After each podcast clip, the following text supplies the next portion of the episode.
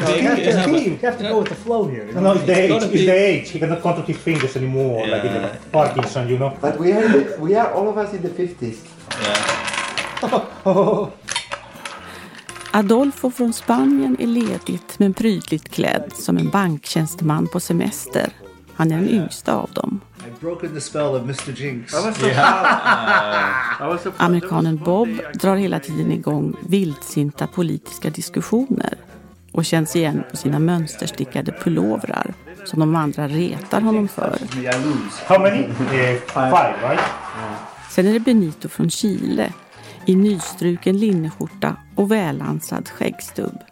Han är lite gåtfull. Eller också är det bara hans sätt att prata som ibland förefaller dunkelt. Scottish. Why don't you admit you're American?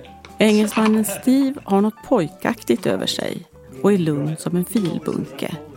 Ett anglosaxiskt lugn, antagligen nedärvt sedan generationer. Whose turn is it? This morning. Yeah. It's always Pio. Always waiting for you, Pio. Because I'm the oldest. Och till sist är det Pio med örnnäsan som är dansk. Han ser lätt bohemisk ut med sitt höga hårfäste och en tyghalsduk virad om halsen. Inombords har jag döpt dem till vinddrivna utländska medelålders katolikers dominoklubb. Själva kallar de sig Dominus Vobiscum. I like, I six. like your, I like your dramatic effects. Do we take five or six? Hey, Steve, Steve, let's put our hands on Bobby. No, no, no, no, no. Ah, ah! Let the moves down. Vi heter Dominos Vobiscum för att vi är katoliker och vi spelar domino. Så det blir inte Dominus, men det blir Dominos. I katolska mässan där det väldigt ofta man säger det Dominus Vobiscum som betyder Herren vara med eder. Och eh, det är, en, det, är en sån hälsning. Och så svarar man ett kom spiritu tuo och med din, och med din ande. Och det är sån ett, ett skojigt litet namn vi har. I'm gonna kill you. I'm going to kill you. I'm gonna I'm going to slaughter you. Are you doing to me? I'm a man of love and peace. Fem medelålders män, alla mer eller mindre välutbildade och vältaliga. Djupt troende, men absolut inte fromsinta. Glatt retsamma och hämningslöst högljudda. Men det är något vilsekommet över dem. Något luggslitet eller lite tillfälligt. Hur har de hamnat i Finland egentligen? Och varför stannar de kvar? Det hade jag tänkt mig att reda ut. Can you see my dots? No, not yet. Can you move them around? Månadens dokumentär ger vinddrivna, utländska, medelålders katolikers dominoklubb. Ett program av Malin Bring. Ljud Jyrki? Häyrinen. Facing to see. Of course, of course. Maybe. This is not. This no no no. This is not. No, that is relative. This that is is the- relative. This That is the way no, to no, no. do That it. is freedom. Det här är liksom en kuliss för mig. Det är inte på riktigt. Jag vet inte varför. Adolfo har talat lite om detsamma. Det är en kuliss. Jag väntar bara på att man tar bort den och sen kommer den gamla värld fram. Jag har väldigt svårt att an- anpassa mig här. För det är inte verkligt. Det här är liksom en stor ballong vi alla var där uppe i. en sån en ballong, heter det ballong på svenska också. Den landade bara här. För att, att eh, det var ingen mera vind på väg till mera exotiska ställen. Det hamnade alltså här. På en klippa och på en sådär liksom natur som inte är så vänlig.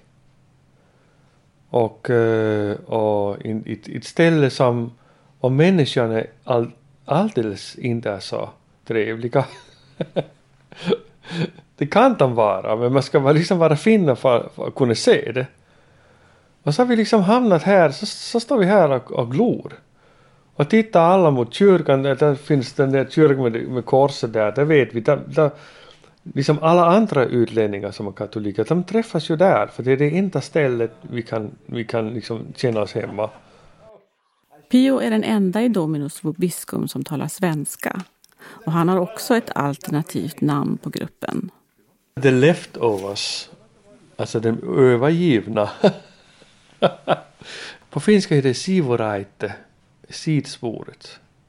Alltså, vi har, vi har hamnat här på grund av kvinnor och förlorad kärlek och, sen, och barn och allt möjligt. Och, på det sättet så har vi ju ganska samma historia på det. Alltså man träffar någon som är finsk och sen flyttar man här för man har barn eller man nu har hamnat här.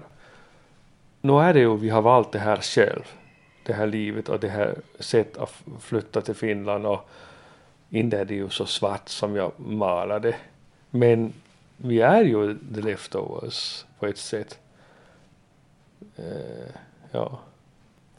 De är alla lite tokiga, det, det menar jag faktiskt de är. Alltså, Inkluderar det dig själv? jo, jag helt, helt med mig själv, helt och hållet. Men Jag heter Pio, Pio Simonsen. Jag är dansk. Jag är, sex, jag är just fyllt 60 år gammal och jag har bott här i tre, nästan fyra år blir det nu. Här i Helsinki. Och jag kom här för jag har två barn här. Och eh, nu är jag här. Nej, men man måste ju se det från någon humoristisk sida annars kan man inte överleva. Jag har utbildning som clown eller som fysisk skådespelare. Och så är jag musiker också. Jag spelar jazz på fiol, violin. Fast i Finland har han svårt att få några speljobb och clownkunskaperna är inte alls efterfrågade. Istället jobbar han på en arbetscentral för utvecklingsstörda. Jag har sett det som ett pulkatorio, alltså en skärseld. Det är någonting som jag skulle lära av det här, det är jag helt övertygad om. Att det är liksom någonting som jag inte har haft helt klart. Som har, som har blivit väldigt klart, väldigt tydligt för mig. Vad jag har gjort, hur jag har levt. Come on, this, this, this is small. This is small But plate. the lady will get the wrong impression This is small plate works perfectly. Are Yeah. you going to get the wrong impression, Mrs. Uh, Första gången jag möter gruppen är hemma hos Benito ute på landet.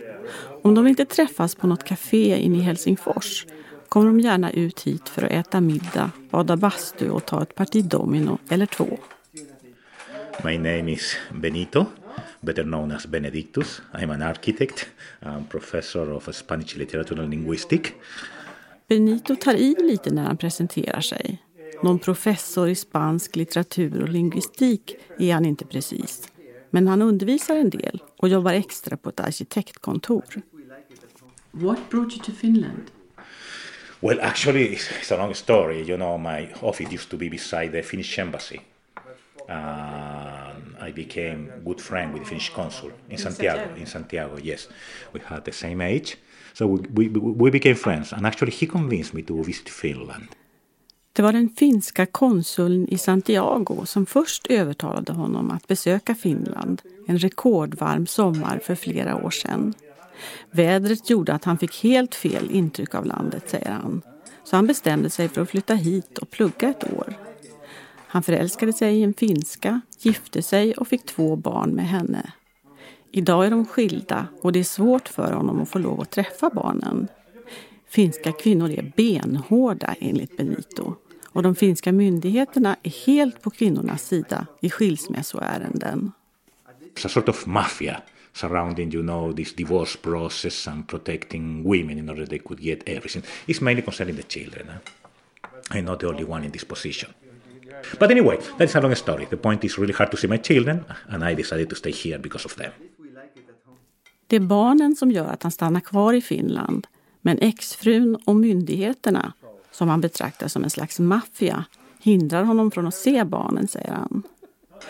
Dominos Vobiscum hjälper honom att stå ut, särskilt om vintern. Men hans mamma hemma i Chile klagar över att han har börjat gå så underligt sedan han kom till Finland. My mother told me, "Wha- What are you walking like that short? You know, you got a or a handicapped guy? And then I realized I was walking like I, if I could be walking on the ice. But has been a period of learning pretty much here. Men han gillar Finland och särskilt finsk poesi, säger han. Finland är en plats som lämpar sig för att utveckla sin andlighet och skriva dikter. Själv har han fått ur sig lådvis med dikter under sin tid här. Och förresten tycker han att det gäller att göra det bästa av situationen, oavsett var man bor. Det finns en basic fact, you know, you have to love the, love the country you are. It's the only way you can stay here.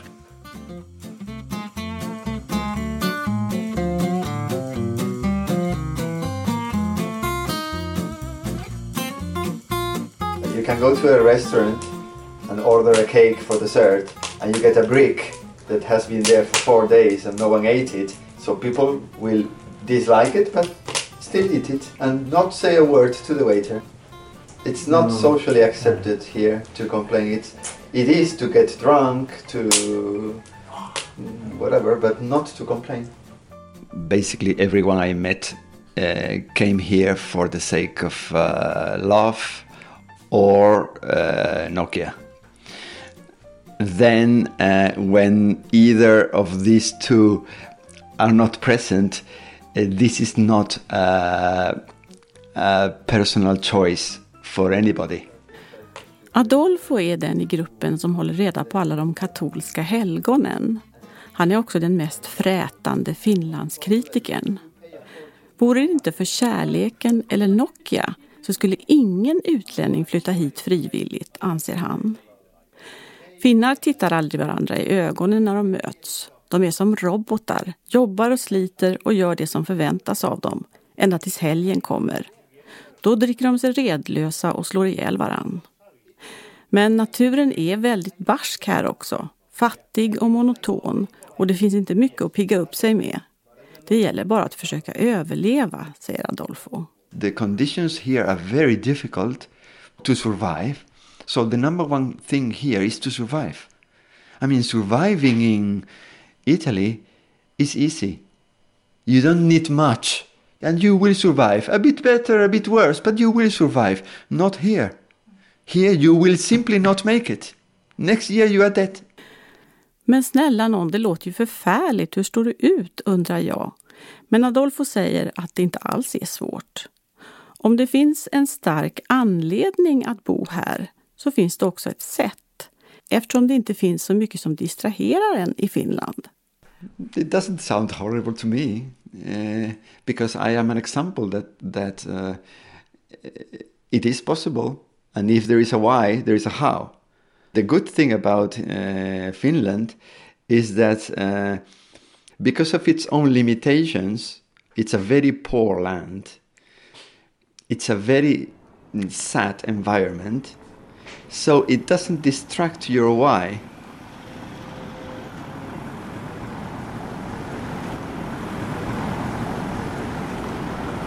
I walk all the time, now. I walk uh, throughout the city every day. I'm uh, going to different places and uh, well, I read my book. I observe people. Uh, I think, you know, all these kind of things. So I'm always walking. Amerikanen Bob vandrar runt i stan i timmar varje dag. Iakttar, läser och tänker. Om vintrarna undervisar han i sociologi på universitetet i Rovaniemi. Så det är mest under sommarhalvåret han går sina promenader och träffar de andra i gruppen. En av hans favoritplatser i stan är statyn Världsfreden vid Hagnäs strand.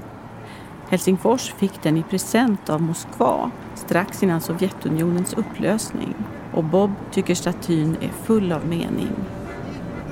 Well, I think uh, like this kind of art is sort of uh, gives hope, hope for the future. That in that kind of a symbol, we can see a united humanity that are united for peace. The question is, is how to get there. Det var en finsk flickvän och möjligheten att bo nära Sovjetunionen som fick honom att flytta till Finland för 29 år sedan. Båda delarna har gjort honom besviken. Fast statyn Världsfreden kan fortfarande muntra upp honom. Den inger hopp, tycker han. Föräldrar kunde gott ta hit sina barn och berätta om fredsbudskapet som den förmedlar. In Finland, uh, this idea of small talk, at least uh, in the 80s, it didn't exist, and in the 90s, it didn't exist, and uh, in many ways, it still doesn't exist. And so I think uh, any foreigner, like myself, who comes to Finland, has to understand that it, uh, it could be a very lonely experience. Bobs finska pension skulle aldrig räcka om han återvände till USA. Så även om han saknar den amerikanska vänligheten och småpratet så är han strandsatt i det tystlåtna Finland resten av sina dagar. Is it my turn? Yes. No. Okay, my turn. No, it's Pio. No, please, How come I have six? No, because you, kept. pick- you picked one up. Yeah. Then Pio went. So I didn't know it now. You must have gone, otherwise there wouldn't be all these out here. Okay, okay. Domino är inte så simpelt som det ser ut. Man kan faktiskt spela det både strategiskt och tävlingsinriktat, säger Steven. But the great thing for us is it's a simple game, so we can just play it, talk, have a good time, and it's an excuse to meet up. Fast för killarna i gruppen är det bara en ursäkt för att träffas, förklarar han. När jag hälsar på hemma i radhuset där han bor med sin finska fru. Jo, han är tveklöst den normalaste personen i gruppen, säger han. Och häller upp varsin kopp te med mjölk till oss. Am I the most normal person in the group? I can guess who might have said that. um, obviously, I would say so as well. I'd have to agree with that. Steve är lyckligt gift och nöjd med att bo i Finland. Finnar är kanske lite väl besatta av att prata om krig, tycker han. Men bortsett från det har han inga klagomål. En sak man har diskuterat i gruppen är om grabbarna själva skulle gå i krig för Finland om Ryssland invaderade. Alla utom Adolfo är förstås för gamla, säger Steve. Men rent hypotetiskt skulle han nog försvara sitt nya hemland. Actually, Adolfo is the only one of us who's been in the army. But the, for the rest of us, we're all, of course, too old. I, I, I think it would be worth it. But Finland can count on you, that's good. Uh, Finland, uh, perhaps.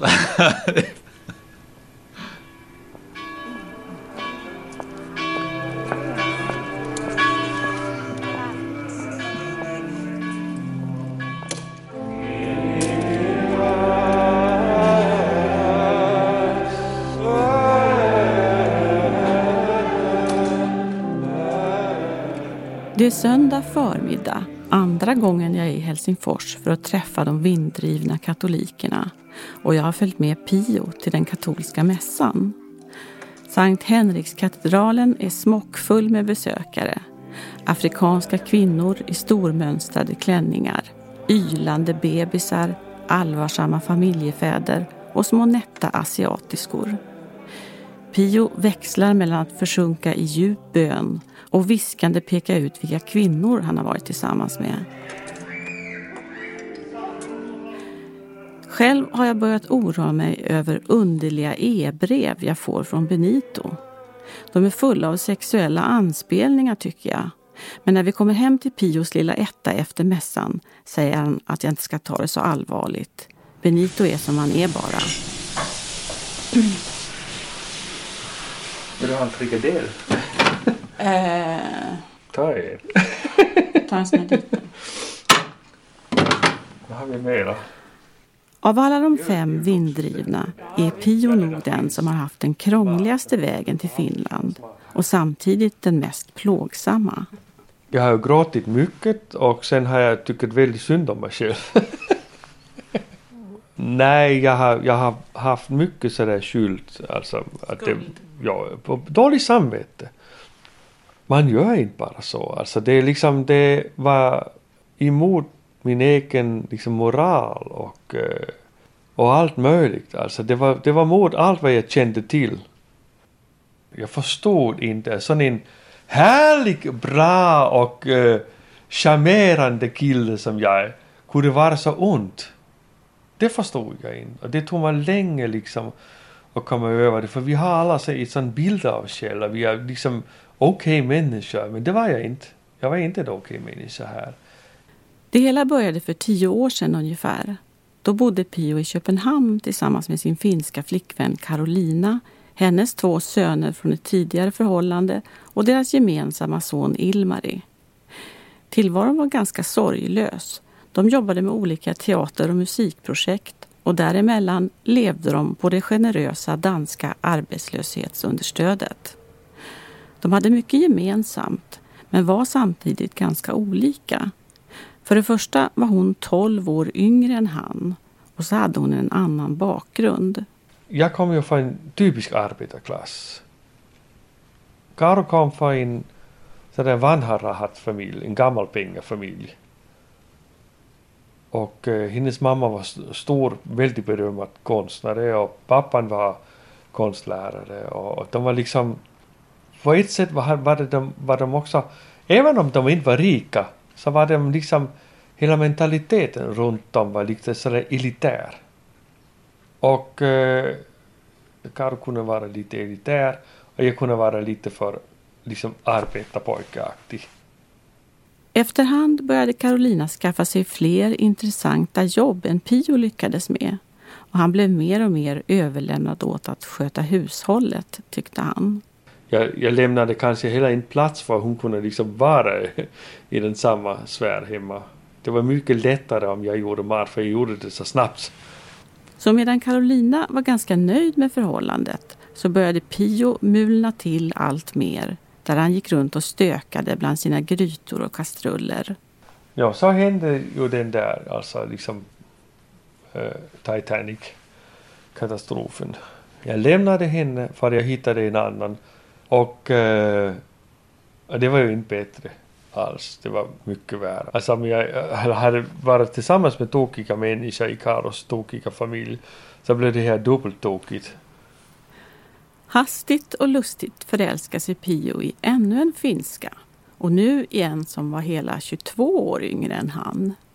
Dessutom var hon konststuderande och favoritelev till Carolinas mamma.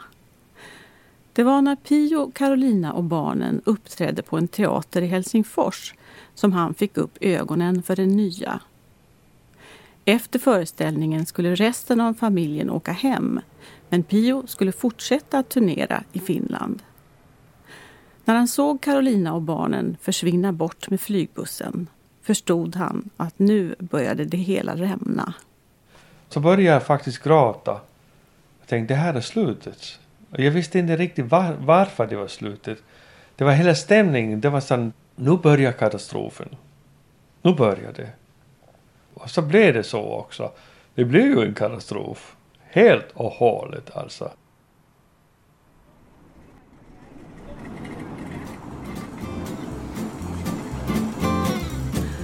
Under min andra visit i Helsingfors bestämmer jag mig för att ta tjuren vid hornen och prata med Benito om hans underliga e-brev. Jag får gärna komma i högklackade skor till den första intervjun, skriver han först. Och sen trappar han upp retoriken undan för undan.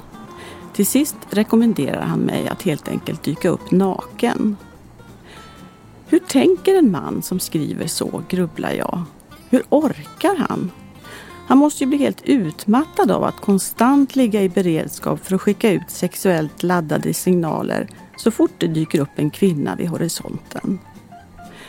Jag funderar lite och skickar sedan ett mejl om att vår nästa intervju ska handla om ämnet latinska älskare. Jag ser för mig hur jag ska kunna ta mig in i hans huvud och en gång för alla bena ut hur en latinsk älskare fungerar. Det är en riktigt korkad idé, ska det visa sig. Benito blir sur som ättika över mitt mejl och svarar att uttrycket latinsk älskare bara är en klyscha. Motvilligt går han ändå med på att träffa mig eftersom han är en gentleman, poängterar han. Helst inte på ett café, säger jag, för det är så stökigt att spela in på kaféer. Han tar min arm och ledsakar mig beskyddande till första bästa stökiga café. Um, tell me about your relationship to women. Uh, yeah, it's wonderful. I love women. Uh, I love their approach. Uh, it's a, women have a different approach to life that I miss. You know. So, uh, what, what do you want to know? Actually, your relationship to women. Oh, there's nothing special because uh, I got the idea that you're thinking there is something well, well, I, a special I'm just, approach. I'm just, I'm just the thing just happened. The thing just flow. It's nothing special. Han älskar kvinnor och allting rullar på helt friktionsfritt, säger Benito. Jag blir tvungen att plocka fram mitt tunga artilleri. Du kan ju inte skriva ett vanligt e-mail till en kvinna utan att lägga an på henne, säger jag. You start writing about high-heeled shoes yeah, it was a joke. It's because I don't care so much, and I'm very relaxed, you know. I say jokes. But uh, actually, I'm not sure it was a flirting, you know. I was just having fun. Fattar jag inte att det bara var ett skämt? Han är en avspänd kille som bara roar sig lite, säger han. Varför tog han då så illa vid sig när jag ville prata om latinska älskare då? Om han nu är så himla avspänd, kontra jag. Latinska älskare är bara något ni germanska kvinnor drömmer om, fnyser Benito. Because there's nothing like Latin lover. That is just an idea of this, you all these Germanic women that they dream with a Latin lover. Plötsligt får han något svärmiskt i blicken och börjar drömma sig bort. No, there is an enchanting atmosphere around, you know, a Latin lady or a Latin man always. Uh, the woman is something precious, fantastic, delicious, a gift from heaven. You laugh together, you smell the lady, the beauty, the voice, you know, all those nice details. And beside that, the soul that is different. Enough, enough. You really get something that must be enjoyed. Wow.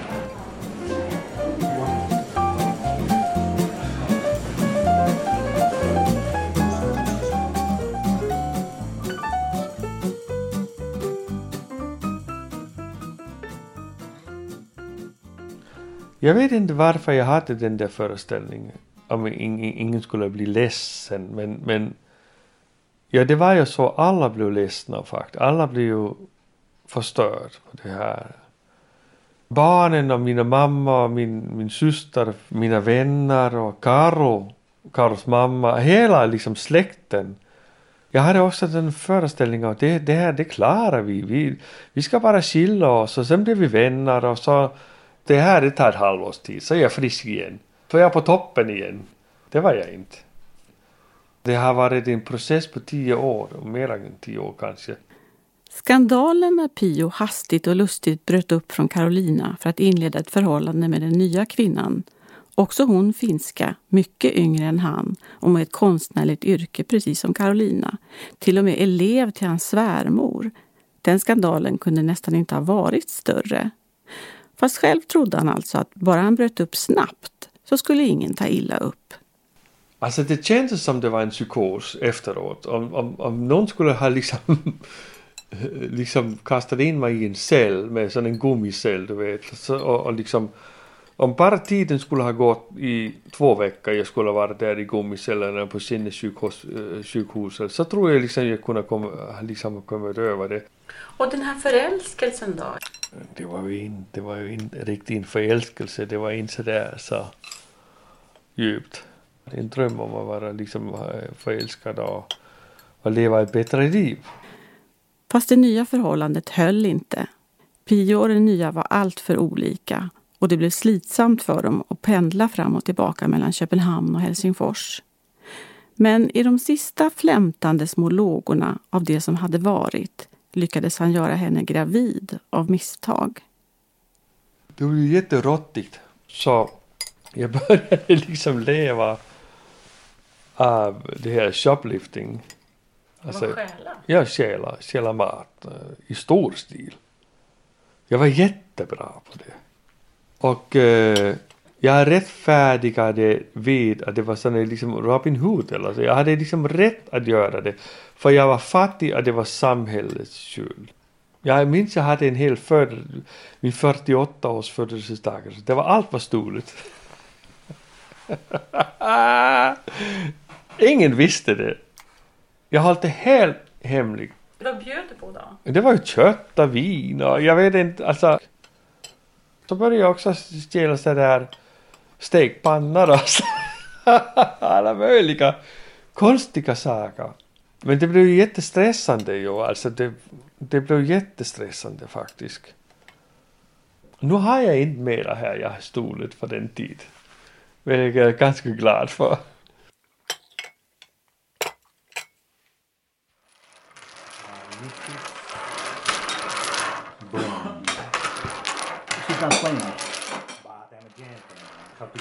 Do you think that great welfare state really made population happier? Yes.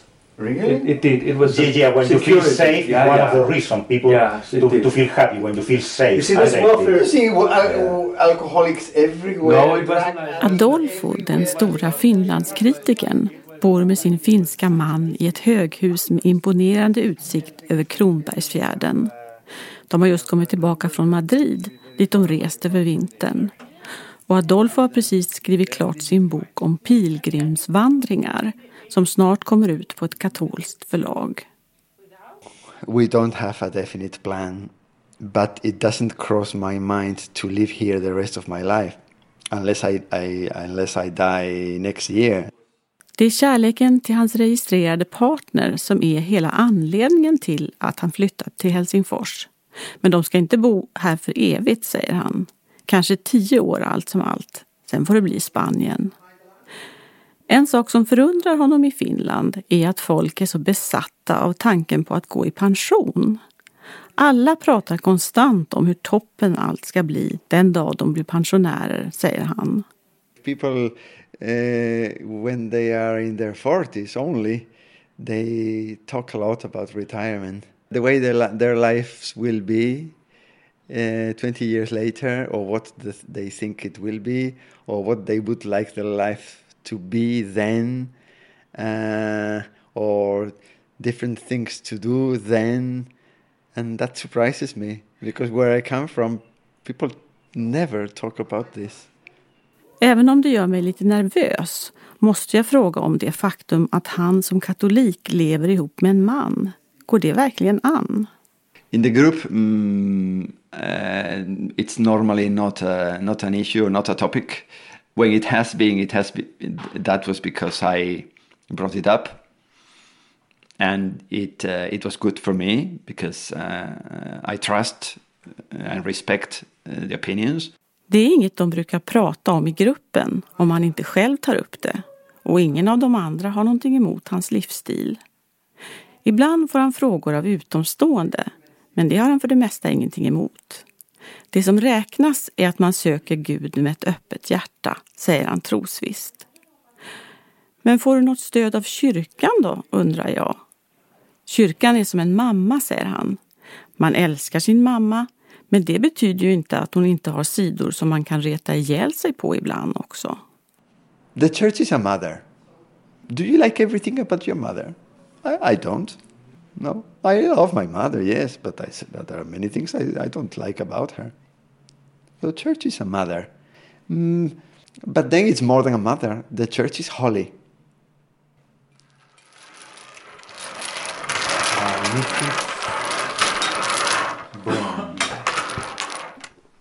So, uh, so Ilmo and his girlfriend are going to Denmark. They're in Denmark. They're in Denmark now. And Just he's arrived. staying at his godfather's house. Yes. You know it's But where? But where are they sleeping? these free. But who cares? In The the, point in is the that same it's bed, I free. assume. But how old is Umo? 17. Yeah. In the, in, in the Catholic, in, in the Catholic faith, they shouldn't be doing anything like that at all. Politik är inte Bobs enda favoritämne. Han kastar sig gärna handlöst ut i moralfrågor också. Ska Pios 17-åriga son verkligen få lov att dela rum med sin flickvän? Det är ju helt emot den katolska tron, dundrar han. Som vanligt möts han av kompakt motstånd från de andra. Och som vanligt tycks det bara elda upp honom ännu mer. That- that's, what needs, that's to be done. That's But what needs to be done. It's not a question of well now. And so you see this long line of constant people looking for food because they are in need because of the high food prices. I call this the invisible army. Nobody wants to see it. Nu har Bob och jag kommit till Berghäll där Hurstis barmhärtighetsarbete delar ut matkassar till behövande. En tålmodig kö av nödställda ringlar sig runt flera kvarter. Bob kallar dem för den osynliga armén eftersom ingen vill kännas vid dem. And one of the reasons why I like this area is because this area doesn't have any myths. That you can see Finland for what it is and for what it's becoming. You know, a nation of uh, classes, a nation where poverty is now coming back at an alarming rate. Finland är på väg att bli ett klassamhälle igen. 1995 fanns det 350 000 fattiga i landet. 2008 var det 700 000. Idag är det en miljon människor som hotas av fattigdom eller utanförskap, säger han. Det märks att han är van att undervisa. När han kom till Finland för ungefär 30 år sedan tyckte han nästan att det var ett idealsamhälle med full sysselsättning och bra vård och skola för alla. Idag känns det som han är tillbaka i USA igen, säger han. Maybe that's what frustrates me so much, is that what we had was so good, and now we lost it, and now I'm back in America, even though I'm in Finland.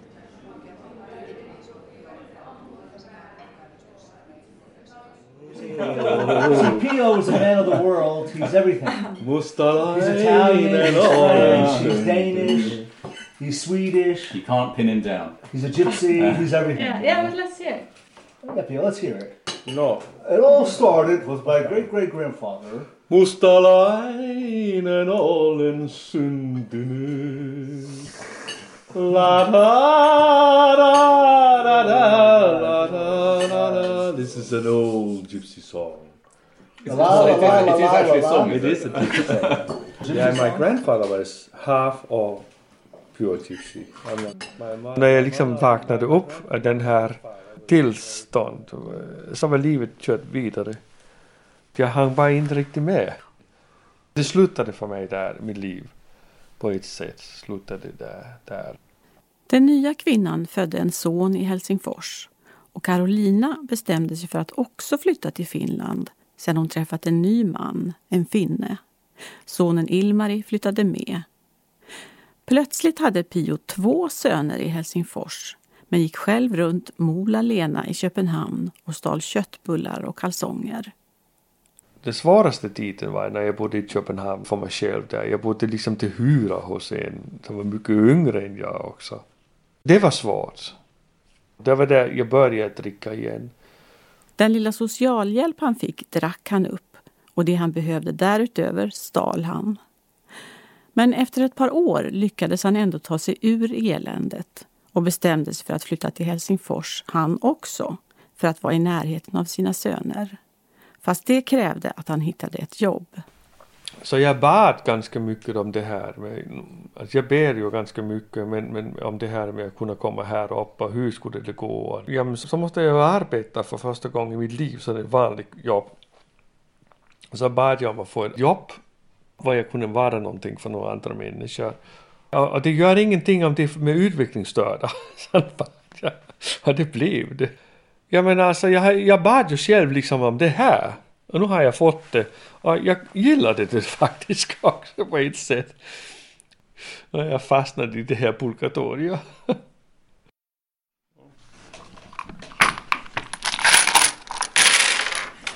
Sorry. We are missing one. I So we all, we all have five now? One is nice to play again. Yes. it feels Good very- feeling, huh? It Yeah. feels, it feels Och nu bor han i Helsingfors och spelar domino med sina vinddrivna kamrater. Because you're the only one that sticks by How do I know it was a mistake? the previous. Okay, where should I put it? Here. Alltså jag började för flera år sedan liksom att försöka att, eh, vad heter förlåta mig själv. Men, det, men det, det är faktiskt väldigt svårt. Även om jag har, kyrkan och Gud och allt har förlåtit mig så har jag svårt vid att förlåta. På ett sätt är allt ju bra med Cargo. Hon har det ju bra, hon har en fin man och hus och nytt kök och nytt eh, badrum och jag vet inte, alltså hon har, och bil har de också. De har ju liksom allt vad, vad, vad man kan tänka sig. Det vill hon inte ha haft om hon hade stannat med mig. Så på det sättet så kan man säga att det var, det var kanske inte så, inte så dåligt ändå. Men det här sättet jag gjorde det på, den här smärtan som jag orsakade henne och mig själv också, och kanske barnen också. Det, det har varit väldigt smärtfullt senare. Can you come here and help me? What? Hold, hold this now and be practical. How many macaras have you made already? Uh, Eight. The ones here, take this in. And plus the ring. There, there, Let's read wait it. for that one. So. We can wait for that one. Yeah, yeah, I think we did. Det är sommar och svinkallt. Gruppen har samlats hemma hos Benito för att grilla och spela domino. Det småregnar, men grabbarna håller tappert ställningarna och grillar en meter från verandan. Det här är vårt sista möte. Pio har börjat fundera på om han ska flytta tillbaka till Danmark. Det som håller mig kvar här var ju barnen. Att, men Ilmari blir ju äldre och de blir ju äldre och de får liksom deras eget liv och det kommer att se ut på ett annat sätt. Och eh, därför så tänker jag att det kanske skulle vara på tid nu att flytta hem. Men det är inget lätt beslut. Alltså man vänjer sig också vid, vid det här på ett sätt, även om det, det kan vara fruktansvärt. Så bor jag här, jag har ju liv här nu, jag har en lägenhet. Vännerna här, alltså de här killarna här har jag också. Kyrkan och... Och hur mycket betyder de här killarna i gruppen då? Ja, jag kan bli jätteirriterad på dem, de är ju idioter. Men, alltså, men, men de betyder faktiskt ganska mycket som en bas. Mm. Ja, det någon sorts kärlek faktiskt. Vad vansinnigt den låter. Så det, det är ju en kärlek till några människor som man tycker lite synd om. Vi är ju lite sådär stackars människor som har hamnat här med grått hår. Och vi är ju lite sådär slitna i kanten och, och liksom sitter vi där över och små, små pippel i saunan och, och ser liksom, där sitter vi så här.